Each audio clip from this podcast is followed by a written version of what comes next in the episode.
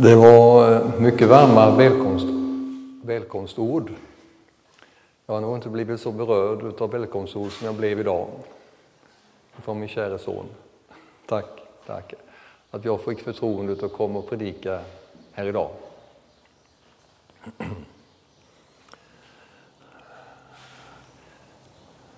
Jag frågade Maximilian om han ville hjälpa mig att predika idag.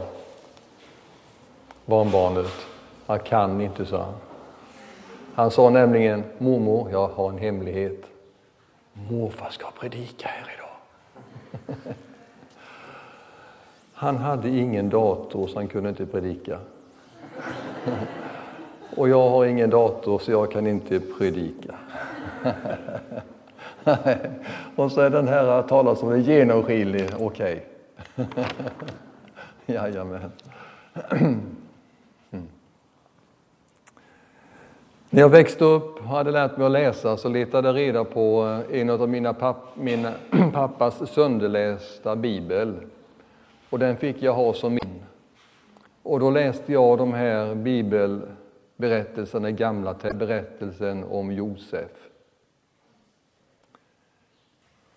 De här berättelserna har väldigt mycket att tala in också i vår tid. Det är flera tusen år sedan det hände, men det är rykande aktuellt. Och Gamla testamentet är alltså värt att upplevas på nytt, om inte det har känns så aktuellt. Man kan säga som så att Nya testamentet i sin helhet finns fördolt, förborgat, gömt i Gamla testamentet. Nu är det lite mera blad i Gamla testamentet än vad det är i Nya testamentet. Så att eh, allt Gamla testamentet så att säga finns inte i det nya. Tack Gud för det. Men den uppenbarelse som Guds ande vill ge, det är att visa på vad Gud har tänkt från början. Bryta igenom en massa snårskog av elände och få fram det äkta och det värdefulla, det Gud hade tänkt och det som är heligt och rent, det Gud har tänkt för människan i alla tider. Sen har det blåst så många olika vindar och varit så många olika trender och människor har förstört varandra och sig själva. Och i detta så har vi tappat så mycket av vad Gud hade tänkt det goda. Josef är ett strålande exempel på där Guds härlighet lyser fram i en väldigt svår tid och en svår situation. Och det är det vi ska stanna för. Det här är ju en, en stor uppgift. Vet du hur många kapitel eh, det rör sig om? Jag ska försöka predika över idag. Fem? Tio? Femton? Tjugo? Ja, nu börjar det närma sig. det är faktiskt Första Mosebok kapitel 30, där föds Josef. Och när han nämns för sista gången är första kapitlet i Andra Mosebok. Och första kapitlet, eh, Första Mosebok har 50 kapitel. Det är bara att räkna på fingrarna, det blir mycket. Gud var mig nådig, och er också. Amen. Vi möter Josef i Första Mosebok 37, där är han 17 år gammal. Och han är son till den tredje av patriarkerna, Abraham, Isak och Jakob. Och Josef kommer nu som son här med på Bibelns blad. Han föds in i en mycket splittrad och sliten familj. Massa gamla oförrätter ligger i botten.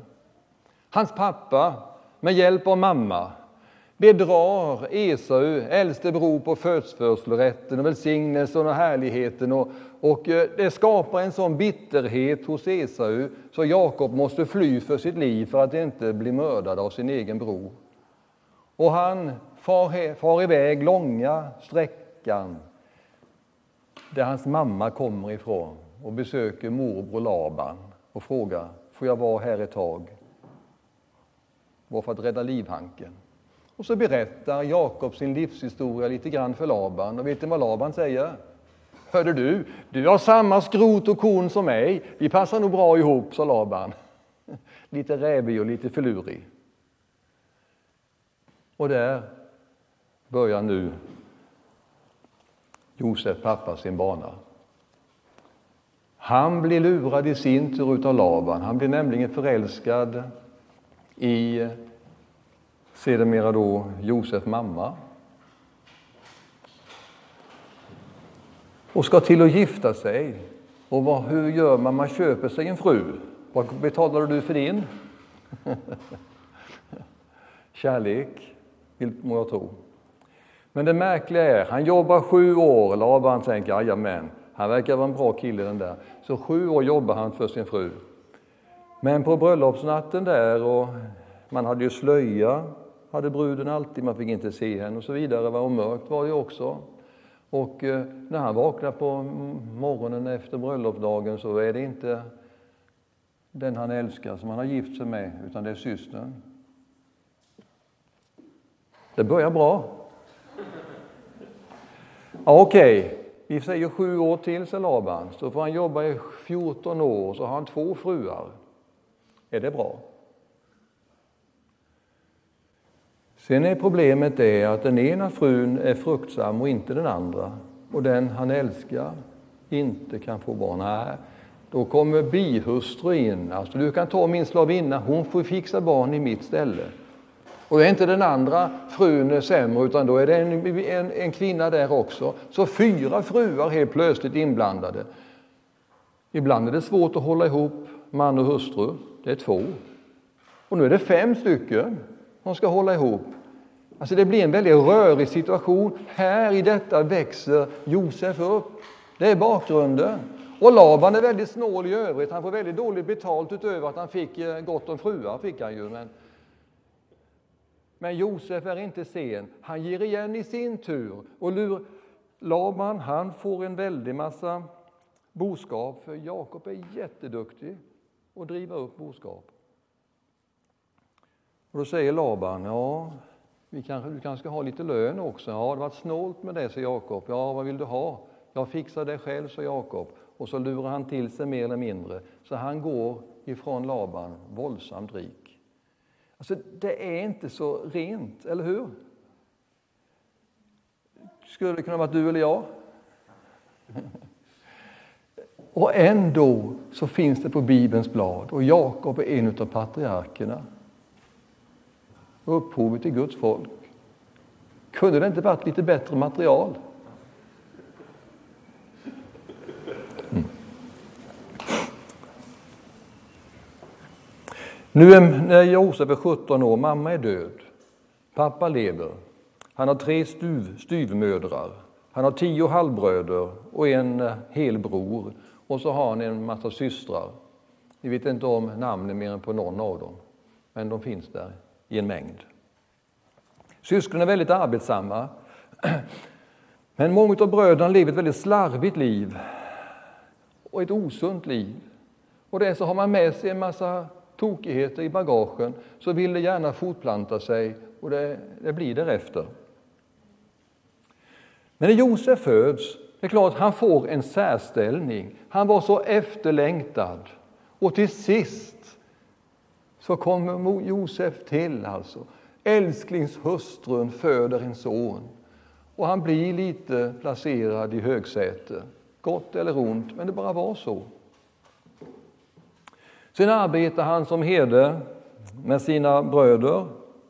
Men han är också väldigt tajt med sin far, mer än de andra bröderna.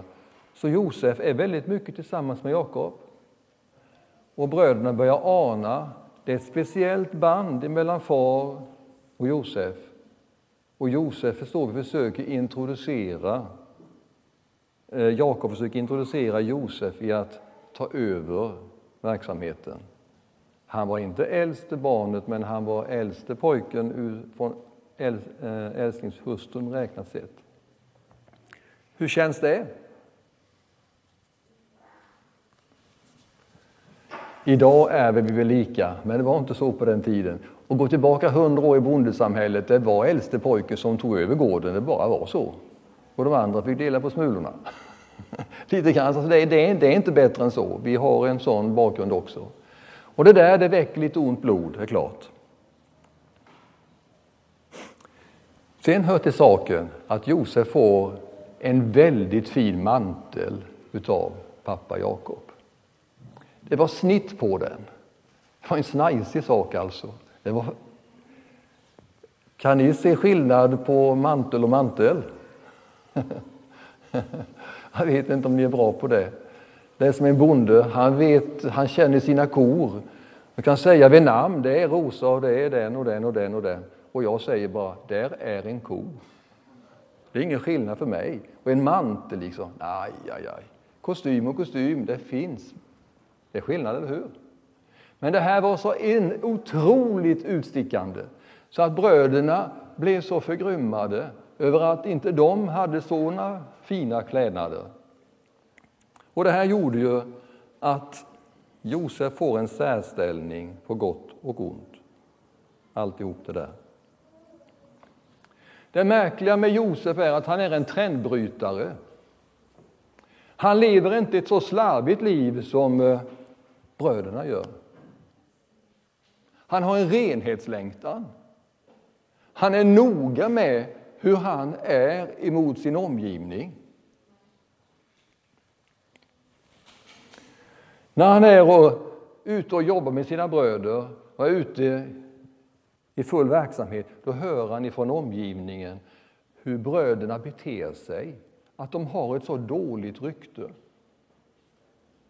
Och Josef, han kan inte hålla tyst med detta, utan när han är tillsammans med pappa och de sitter i enrum så berättar han det här för pappa Jakob. Och det här gör inte saken så lätt heller. Då är frågan, när man ser orättfärdighet, när man ser dumhet och elände, ska man hålla tyst eller ska man uppenbara det? Det är en balansgång. Men handen på hjärtat, har du kärlek, har du medmänsklighet, barmhärtighet och allt detta, tala, men gör det i kärlek och förståndigt.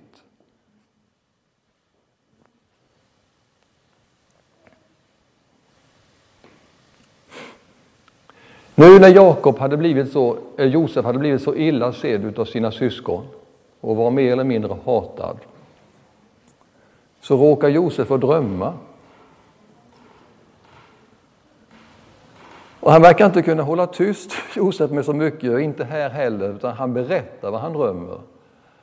Jag vet inte om det var rätt, men han drömmer att han är ute på fältet och han binder en kärve. bröderna är ute eh, och binder sina kärvar. Och i ett enda nu så reser sig Josef kärve där i mitten och de andra bugar för Josef kärve. Är ni bra drömtydare? Vad säger drömmen? Ja. Hör, du vet, tja, Tror du att vi ska buga oss för dig? Du är inte klok. Sen drömmer han en gång till. Och nu är det solen och månen och stjärnorna som är igång. Och till och med solen och månen bugar sig inför Josef. Och stjärnorna, hur många var de? Elva. Och det var de elva bröderna som Josef hade. Och till och med far blir lite fundersam. Hörde Josef, menar du att till och med mor och far ska böjas, buga inför dig? Vad menar du egentligen? Josef. Men samtidigt som far var lite tuff så la han, la han de här orden på minnet. Vad betyder det här egentligen? Men bröderna, de lade inte på minnet på det viset, utan de tänkte, jaha, den mannen, han har inte rätt att leva. Inte här med oss i alla fall.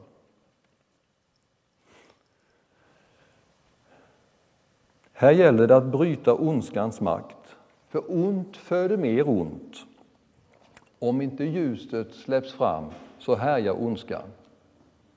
Hur många kan få uppleva Guds befriande nåd och ha rätt att bli frälst?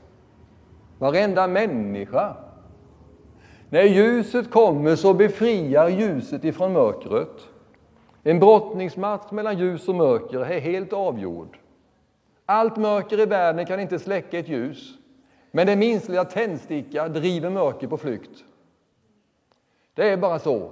Men nu är det så beskaffat att man stänger ute ljuset för att inte bli avslöjad och så tror man att man är fri. Men den som vill vara fri gör sig sårbar och kommer till ljuset för att man ska bli avslöjad. Så en massa skuggor och elände blir uppenbarat.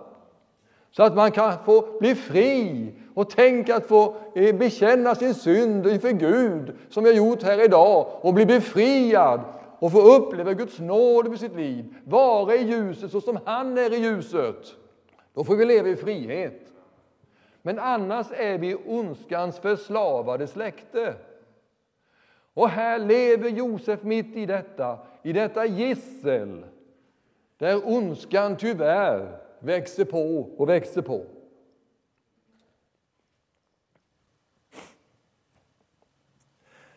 Vi behöver rensa ut gamla oförrätter, dåliga släktarv och vad det vara må. Vad har jag i bagaget? En del vet jag och en del vet jag inte. Men det påverkar mig mycket negativt om det är utav ondo. Är det något som är gott, ja, då välsignar det mig.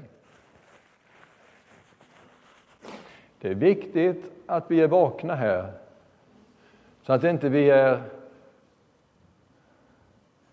Det jag inte ser, är jag blind, då ser jag inget. Men jag vill ju inte vara blind. Jag vill se det som binder mig. Och jag vill att Gud befriar mig. Här tror jag munnens bekännelse är viktig.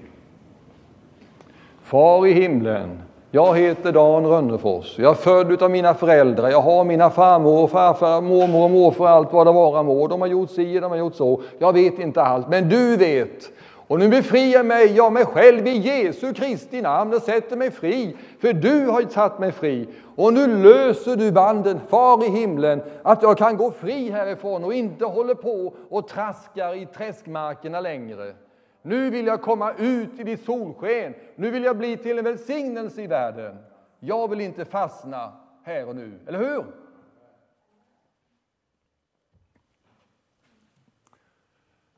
Tron är viktig. Och det du har liksom bestämt dig för, detta är vägen för mig. Nu ska du också bekänna det, tala det ut med din mun. Du behöver inte gå till grannen och berätta vad du bekänner. Men gå ut i skogen då och berätta för granarna och tallarna och svamparna och allt vad det nu finns där ute. Tala ut det så att du får det i hela din varelse. Jag är ett Guds barn och jag är fri att leva som du har tänkt Gud. Det finns någon, en kallelse bakom allt. Och vi talar ju om Josef här nu. Josef beger sig på en resa som blir mycket längre än han hade tänkt sig. Hans bröder var nu ute och vaktade fåren. Och ni vet att då gick man inte ett par hundra meter bort, inte en kilometer heller, utan man drog iväg fyra, fem mil. Har man varit i Israel, då vet man att landet är litet. Så egentligen rörde man sig över hela, hela ja, Hela landet var liksom betesfält. I Sikem finns de, säger Jakob. Kolla efter hur de har det. De var inte där bröderna, utan han fick dra vidare ytterligare några mil bort mot Dotan till, upp i landet alltså, norröver. Och där får han se sina bröder. Och Josef, han hade säkert glatt sig att få möta sina bröder.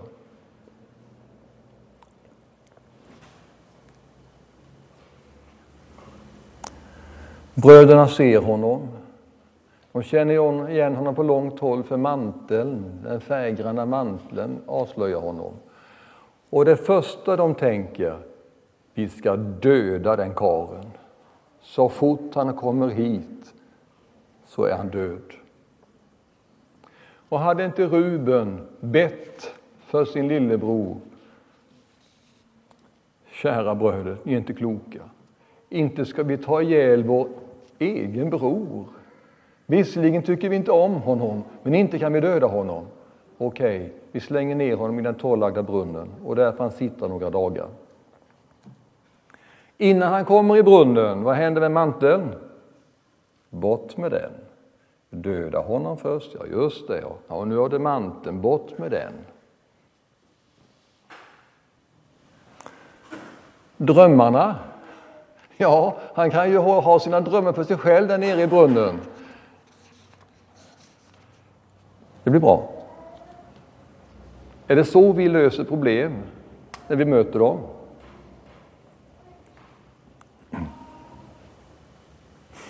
Ruben, han är smart tror han. Han är ju äldst, han ska ju vara smart.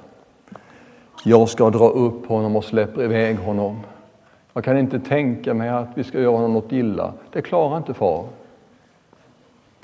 Men när han är borta på andra uppdrag, då kommer det ett gäng med eh, handelsmän som är på väg mot Egypten. Vi säljer honom, säger Juda. Då dödar vi honom inte och vi blir av med honom. Egypten ligger långt bort. Och den där resan den slutar som, som jag sa inte så som det var tänkt. Utan Josef kommer till Egypten. Är det lätt att lösa problem när man har ett långt avstånd som skydd? Hade man gjort detta om pappa hade varit i närheten? Eller? Nej, jag tror inte det. Det är precis som man ska hoppa fallskärm. Nu vågar ju inte jag det, men det finns somliga som gör. Men jag har hört det att de som hoppar fallskärm, de eh, är inte rädda för marken, för den ligger så långt ner. Precis som att, ja, ja det tar ju tag innan man dunsar i där. Men man litar väl på fallskärmen också. Men att stå och hoppa, hoppa ifrån en 10 meters trampolin, det är tuffare många gånger än att hoppa fallskärm sägs det. För att man tappar liksom, avståndet gör att, ja, ja, och så kan det vara också. Vi gör en grann dumma grejer för man tänker att det ordnar sig. Ta lång tid att vandra hem, ta flera veckor. Vi kommer nog på en bra lösning. Vi ska nog klara ut det här. Och så gör man dumma grejer. Och gör jag dumt jag idag så kan jag ju bättra mig imorgon. Och så försyndar man sig idag för man tänker att imorgon så kan jag leva rent och så vidare. Är det ett helt liv? Är det ett härligt liv? Ett väldigt hattigt liv och ändå lever vi så, du och jag. Visst är det så? Får den gamle predikanten bekänna sina synder? ja, synder, jo, det, nej, jag vet inte. Men du vet att man kan titta mycket på TV. Ja, det gör man inte nu för tiden kanske, man har andra möjligheter att kika på, det, på eh, sånt. Dåliga program som inte bygger upp, Ja, men jag ska inte predika förrän på söndag, det är ju måndag idag, då hinner jag ju, hinner jag ju skärpa till mig så att jag får, får tanken i rätt, rätt bana. Liksom. Jag har tänkt så någon gång. Ja, det är nog inte så noga, jag hinner nog att skärpa till mig. en liten banal sak, men ni förstår, ni förstår tanken? Jag behöver inte dåliga tv-program. De ger mig ingenting. En massa intriger och skumma grejer, det är onödigt. Du får titta på tv så mycket du vill för mig, va? Det, är, det är inte det jag säger. Men, men mata med goda grejer som du blir glad av. Att du, du, du, känner, ja, det var ju, vi har stöd i ryggen också till och med. Och man får lite rätning på kroppen och yes, det strålar av mig. Åh, oh, det är väl det man vill.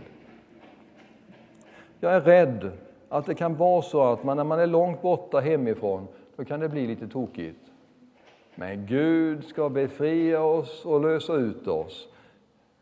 Jag tycker att jag är hemma överallt där jag är. Om jag är borta, jag är hemma i alla fall. Jag tycker det är viktigt. Men här är den platsen jag är på nu och det är viktigt att, att vara, jag är jag här och nu. Inte bara hemma. Jag är hemma överallt. Där vill Gud befria oss och lösa ut oss. Vi har mycket att göra tror jag. Om vi är där eller där eller där så vill Guds härlighet verka i oss i våra liv. Jag får rasa på här nu. Jag har inte kommit många kapitel än. I Egypten så är det en slavmarknad. Och Josef han bråddes på sin mor. Det står att hon var ståtlig och reslig och väldigt vacker. Och det var nog Josef också.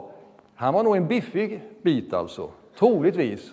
Det är bra om man ska fungera som slav och ha lite att ge alltså. Och han blev utvald utav självaste Puttifar. Han var en utav faraos hovmän. Och han var befälhavare och chef för livgardet. Jag vill inte säga lite. Så han var mycket nära farao. Och där ska Josef slava. Och han slavar så bra. Så det han rör vid och kommer vid, det blir så välsignat så till sist, efter många års slaveri, så ser Puttifar denne Josef något speciellt med karen. Jag har blivit så välsignad genom honom så jag tror att jag ska lämna över det området också. Och till sist har Puttifar kommit så långt så han säger, hör Josef, jag bryr mig inte om någonting, för jag klarar inte att sköta om saker och ting så bra som du. Ta hand om alltihop. Jag ska bara oroa mig för maten jag äter och min egen fru. Det räcker. Och Josef, han tar hand om hela ruljansen. Han blir Potifars närmaste man. Fantastiskt. Att inte ge upp. Det gick så illa för mig, tänkte Josef, så nu lägger jag av. Nej, han gjorde sitt bästa även i den här situationen. Han var långt hemifrån, men han strålade och han spred värme omkring sig och han gjorde underverk i sin omgivning. Och han älskade Gud. Och Gud verkade älska Josef tillbaka på ett suveränt sätt så att det bara blev välsignelse runt omkring. Wow!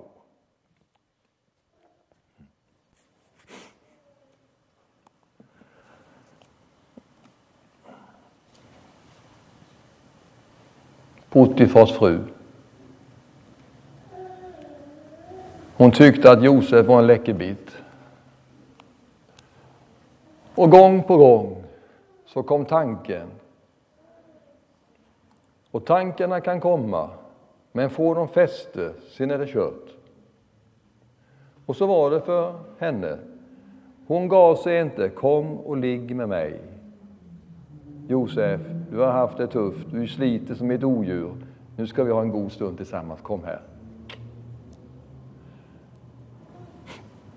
Sexualiteten är en välsignelse, eller? Men det är också en förbannelse. Nej, det var det inte. Nej. Okej. Okay. Det kan vara det. Om det går snett. Och på något vis hade Josef fått det här med sig, så han höll sig undan. Nej tack, sa han. Kära du, jag uppskattar dig mycket och din man. Och din man har satt mig, han bryr sig inte om något, jag har fullt spelrum här. Skulle jag försynda sig så mot Puttifar genom att kränka förtroendet? Nej, aldrig i livet, aldrig i livet. Och det gick så långt så att Josef undvek att överhuvudtaget komma i närheten av Potifars fru. För han ville inte utsätta sig för den frestelsen. Eller ska man gå så nära som möjligt? Nej, Josef säger i alla fall nej, så långt ifrån som möjligt och så höll han sig borta. Men vid ett tillfälle nu hade väl Potifars fru planerat det här noga. Då var det bara de i huset och hon stack nu och så tar hon tag i manteln som Josef har på sig. Nu kommer du här och ligger med. Det var ju sin befallning. Vad gör man som slav? Ja, det hade ju varit något att skylla på. Ja, men jag blev ju tvingad, jag blev befalld. Potifar, fattar du inte att jag blev befalld till detta? Nej, han flyr och lämnar sin mantel. Och nu är det mantel nummer två som är i bilden. Första gången var det en jättefin mantel som blev sölad i blod och så kommer man hem med den manteln och säger till far Jakob Vi tror att han har blivit dödad utav vilddjur. Är det möjligtvis Josef mantel? Vi är inte säkra, men kan det vara så pappa? Det är det, säger far. Och så sörjer han ihjäl sig över att sonen är död på grund av den här manteln som är nedsölad och blodad nedblodad. Nu kommer en ny mantel i bilden. Titta här Potifar, titta, visst är det Josef mantel, säger frun. Och vet du vad han sa till mig också där? Vad tror ni? Fängelsehålan direkt för Josef. Ingen talan, du är slav trots allt. Vilken utveckling! Det var väl nog att hamna i brunnen och sen ytterligare ett steg i slaveri och nu i fängelsehålan. Det var den fängelsehåla som eh, Potifar kände väl till. Det var den fängelsehåla som fanns för faraos olycka, ja, människor som hade kommit i olycka tack vare farao, ner med dem i finkan. Farao skickade en del dit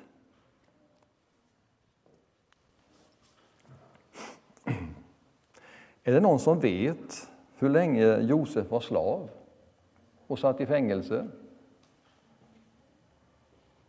Ganska många år.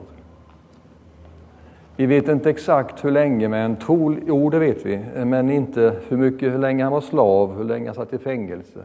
Men han var slav kanske sju, åtta år och fängelse kanske fem år, sex år. Men han eh, slavar ganska bra i fängelset också. För han hjälper befälhavaren i fängelset och slavar som lite gnu där alltså. Han är otrolig på att jobba. Och det blir så ruskigt bra i ett fängelse. Är det någon som har en, eh, en plan för hur det ska bli bra i våra fängelser? När man själv sitter i smeten. Det är förundligt med denne Josef. Han bara ser förbättringar, han bara ser möjligheter i alla situationer. Och tänk att vara så välsignad så att man kan få se möjligheter i det mörkaste mörka. Då blir det faktiskt också härligt att leva även där på något konstigt, förunderligt sätt. Så denne Josef han överlever och tappar inte tron och han tappar inte gnistan. Utan han sköter om det mesta i fängelset också. Och han får specialuppdraget nu utav befälhavaren.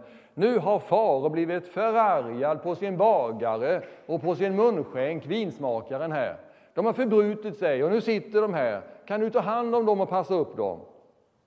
Det var lite högdjur i fängelsemiljö. Det var ju ändå väldigt framträdande hovmän som hade viktiga uppgifter hos farao, de där två gubbarna. En dag så var de väldigt bekymrade och hade de drömt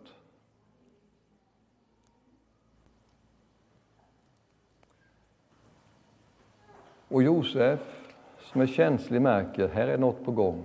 Berätta vad som har hänt. Ni är så ledsna och för, förtvivlade. Och då berättar munskänken sin dröm. Ja, sa Josef, om tre dagar så eh, kommer du att bli fri och farao kommer att ta tillbaka dig i tjänst. Och bagaren tänkte, oj, det var en lyckosam uttydning. Jag berättar min dröm också. Men det var tvärtom för den stackaren. Om tre dagar så kommer för att mista livet. Och så berättar Josef sin historia för eh, hovmästaren, för eh, vinsmakaren där. När du kommer till farao kan du lägga fram din sak, min sak för honom. Berätta för mig att jag sitter oskyldig här. Och han berättar hela sin historia. Det ska jag göra, säger vinsmakaren. Du har varit en sån glädje och hjälp för mig.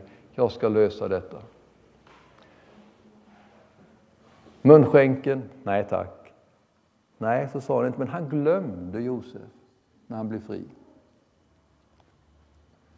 Nu drömmer farao.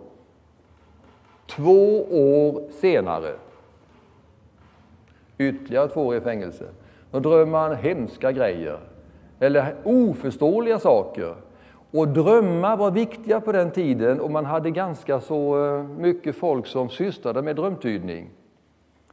Vad är det viktigaste yrket i vår tid? Välbetalt och anseende och allt det där ni vet. Jag talade om för att de där gubbarna och tanterna som höll på med drömtydning och sånt, de var ganska, hade hög status. Men de kunde inte tyda drömmarna och farao blev väldigt orolig.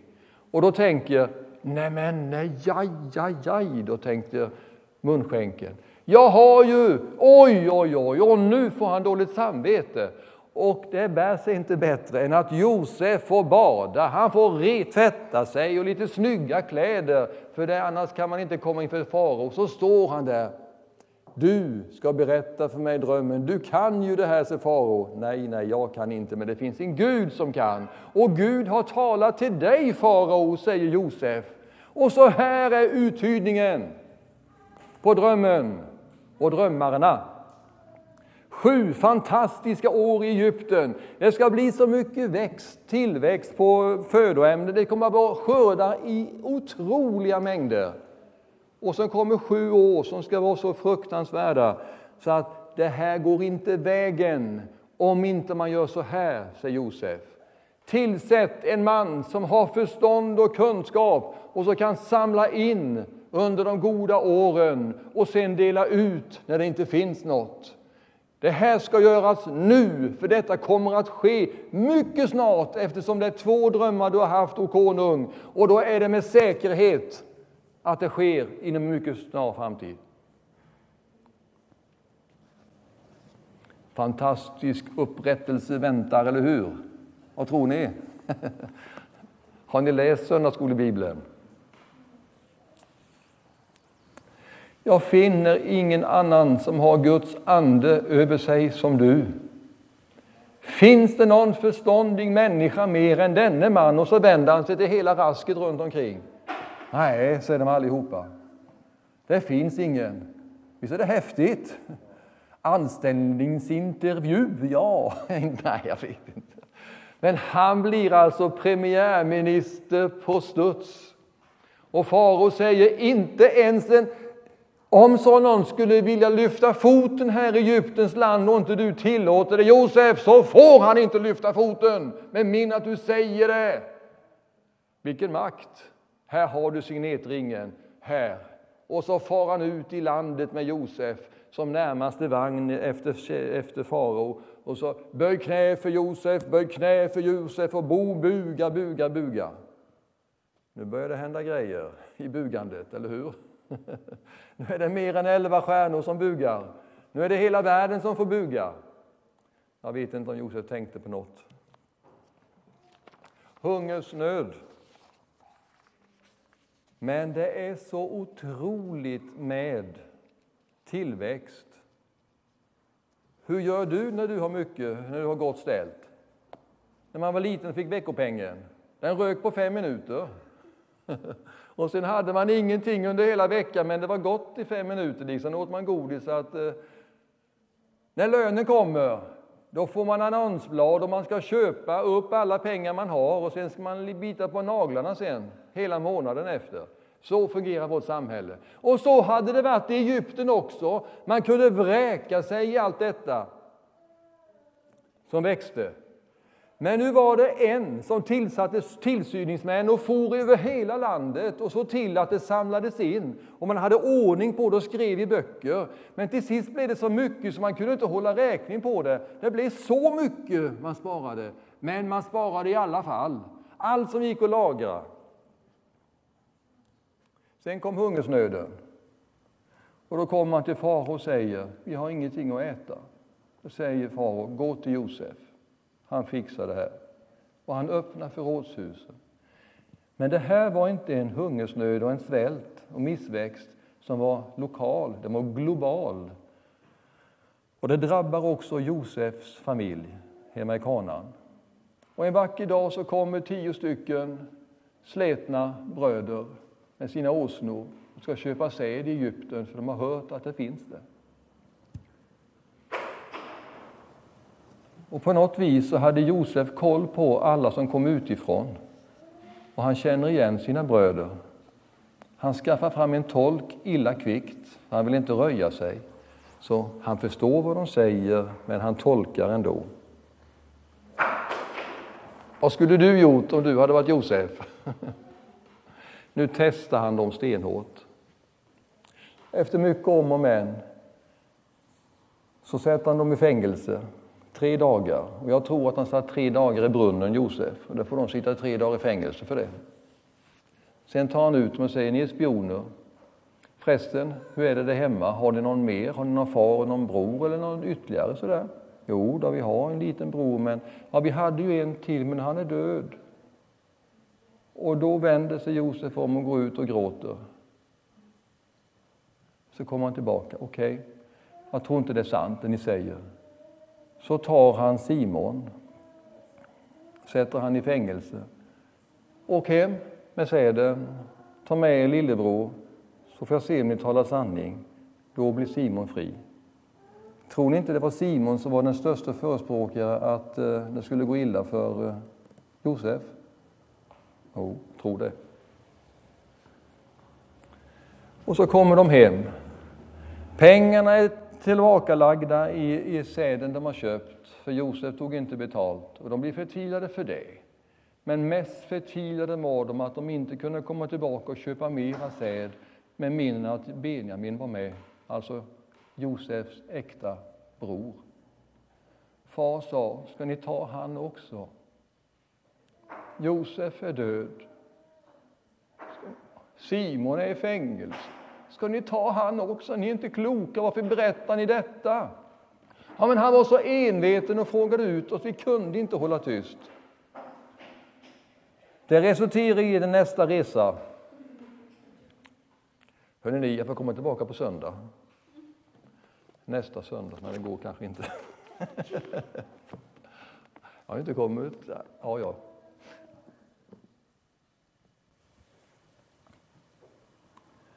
När de kommer så möter inte Josef upp dem, utan han säger till sin tjänare, nu fixar du en festmåltid hemma hos mig. De där som kommer där, de ska hem och äta, äta middag med mig.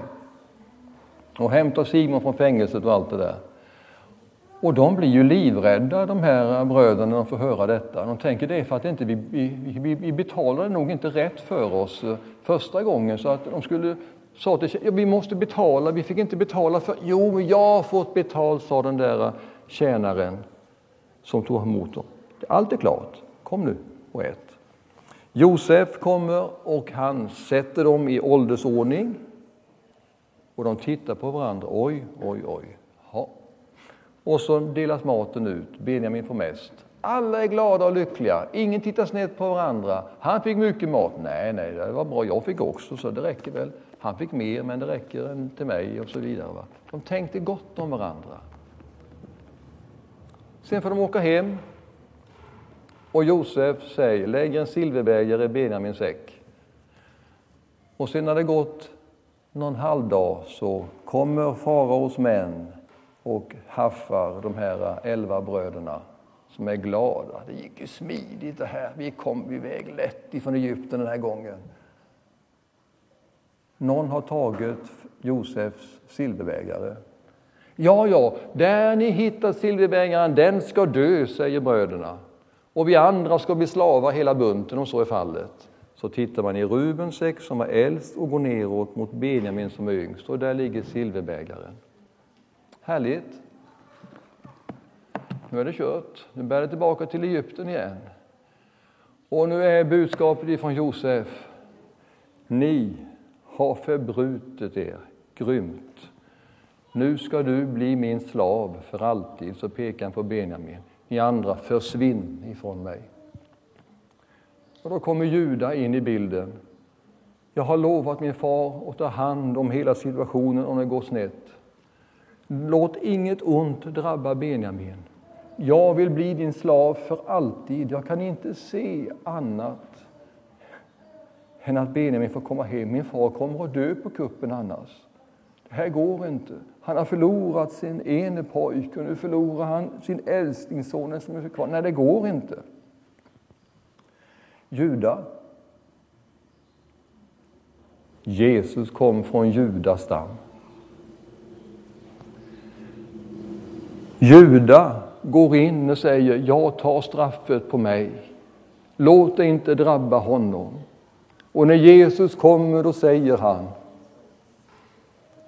Jag tar mänsklighetens straff på mig. Jag betalar priset. Du är fri. Tror ni Josef köpte det här resonemanget? När han hör den utläggningen som Juda har, då är han på nära att krevera. Han befaller varenda egyptier, lämna huset. Och sen brister han ut i högljudd gråt. Han gråter tårefloder. Och så säger han, jag är Josef, er bror. Vet ni hur många gånger de har bugat sig för Josef? De bugade sig när han kom första gången. Massor med gånger bara den första omgången bugade de. Andra gången de kommer så har de fallit på knä och bugat många, många gånger. Och nu, nu står det en Josef som gråter hejdlöst och så står det elva bröder och är helt förskräckta och förstummade. Vilken situation! Denne mäktige man är våran bror som vi behandlat så illa. Skräck och förundran.